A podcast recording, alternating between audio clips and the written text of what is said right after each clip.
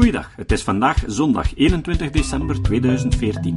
Ik ben Jozef van Giel en dit is de 212e aflevering van deze podcast. Vandaag spreken we over kerstmis. De originele tekst is een YouTube-filmpje door Dutch Skeptic, ondertiteld en vertaald door Emiel Dingemans. Mensen vragen me wel eens of ik als scepticus kerstmis vier. En ik zeg, zeker. Maar niet omwille van het kindje Jezus. De meeste kersttradities hebben niets te maken met het kindje Jezus. Neem nu de kerstboom. Even voordat het kerstkind vermoedelijk werd geboren, was het in vele culturen al de gewoonte om in de maand december groenblijvende bomen als decoratie in huis te halen om de winterzonnewende te vieren en om hun verschillende heidense goden een overvloedige oogst in het volgende seizoen te vragen.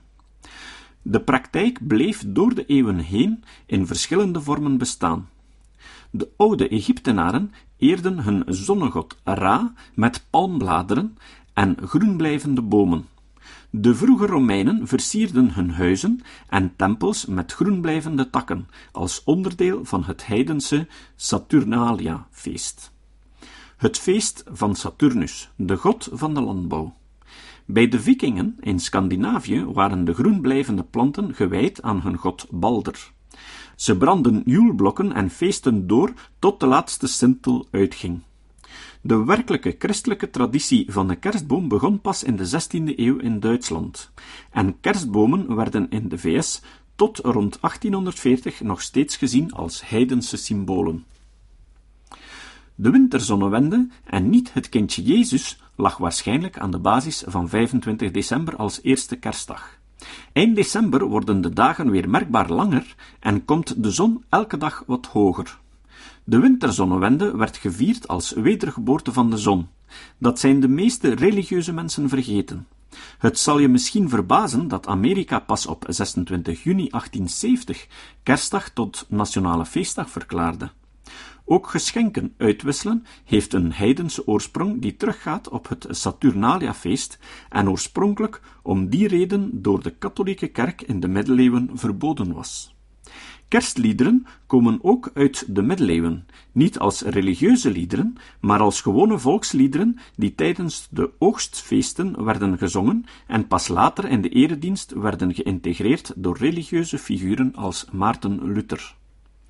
Maretak is een mooie kersttraditie.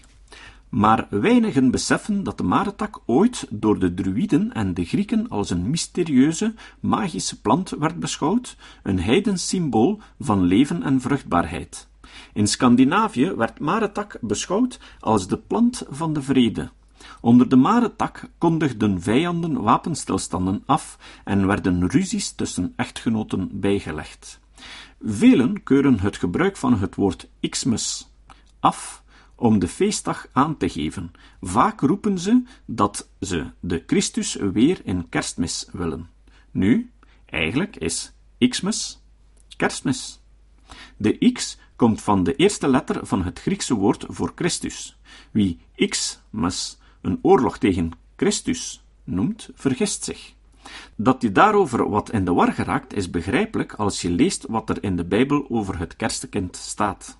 Bijvoorbeeld, het boek van Lucas laat Maria en Jozef naar Bethlehem reizen vanuit hun huis in Nazareth in Galilea. Lucas 2.4. In tegenspraak met Matthäus, Matthäus 2, 21 tot 23. Waar staat dat Maria en Jozef pas in Nazareth woonden na de geboorte van Jezus? Matthäus, hoofdstuk 1, laat een engel verschijnen aan Jozef, maar Lucas, hoofdstuk 1, zegt dat engel aan Maria verscheen. En wat te denken van de drie koningen waar we zo vaak over horen? In het boek van Matthäus zijn het magio, geen koningen. Nergens staat dat ze met z'n drieën waren. Het hele verslag is in strijd met het boek van Lucas, waar Jezus wordt bezocht door lokale herders, geen magoi. Opmerking: het woord magos, Grieks, betekent eigenlijk illusionist of waarzegger en de wonderbaarlijke, maagdelijke geboorte.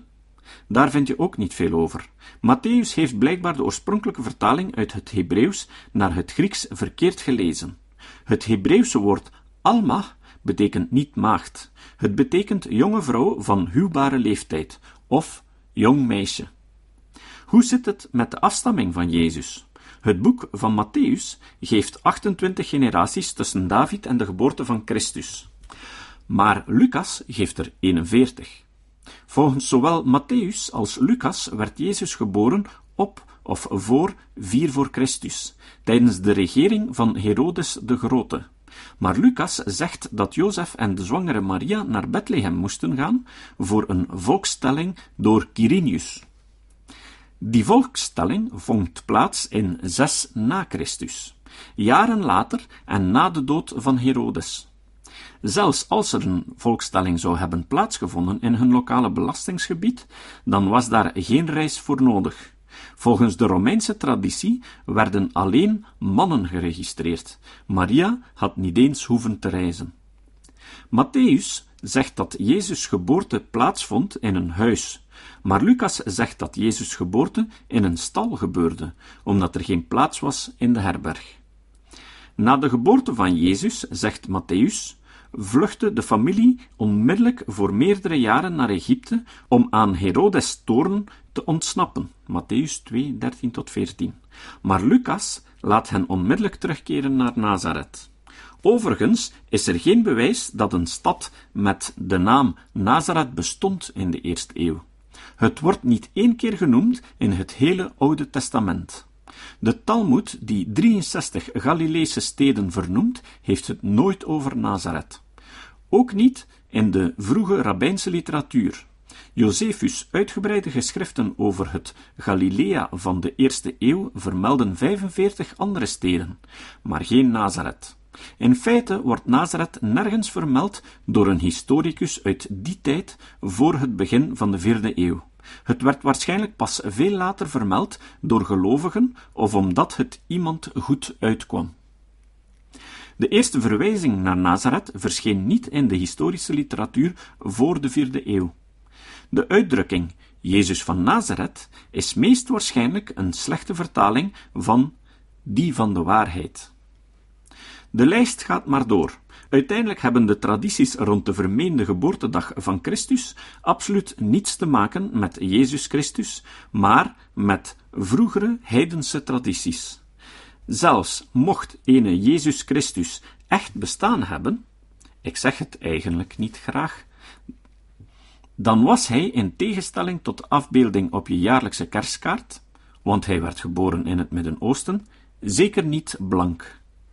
Ik hou van kerstmis. Ik geniet van familie, vrienden, kerstversieringen en de kerstboom, de geschenken, de klassieke kerstliederen, warme chocolademelk en al dat lekkers. Maar net als vele andere sceptici vier ik de zonnewende, wetende dat die plastic Jezus in de kerststal reëler is dan de Jezus die hij voorstelt. Miljoenen christenen gebruiken nu heidense symbolen en tradities om het verhaal van een christelijke verlosser te verdedigen. Schenk hen een stralende glimlach, bied hen een kop warme drank aan en wens hen een fijne, vrolijke Xmas. Het citaat. Het citaat van vandaag las ik op LinkedIn. En het ging als volgt. Mijn broer bijvoorbeeld, die nu een atheïst geworden is, zegt dat wat hem uiteindelijk overtuigde dat er geen God is, het moment was dat hij de Bijbel gelezen heeft. Tot de volgende keer. Deze podcast is het resultaat van het werk van veel mensen. Rick de Laat verbetert bijna al mijn teksten en maakt de meeste vertalingen. Emiel Dingemans verzorgt onze website en Facebookpagina. Ook Leon Korteweg en Stefan Sutens schrijven, vertalen of verbeteren soms artikelen. Leon onderhoudt bovendien het YouTube-kanaal van deze podcast. De muziek van de intro en de trailer heeft Nick Lucassen geschreven en soms maken we ook gebruik van muziek van Ad van Nederpelt, die ons zijn prachtige composities ter beschikking stelt. Dit was de podcast Kritisch Denken. Vergeet niet om alles kritisch te behandelen, ook deze podcast. Voor verdere informatie over deze podcast, links en voor de tekst, surf naar www.kritischdenken.info. Als je deze podcast belangrijk vindt, kun je me steunen door anderen warm te maken ook eens te luisteren. Stuur een e-mail naar vrienden met een link naar de website en plaats de link in de handtekening van je e-mails. Tevens kun je op iTunes deze podcast een beoordeling geven of een recensie schrijven. Of je kan op je eigen website of blog een link naar kritisch denken plaatsen.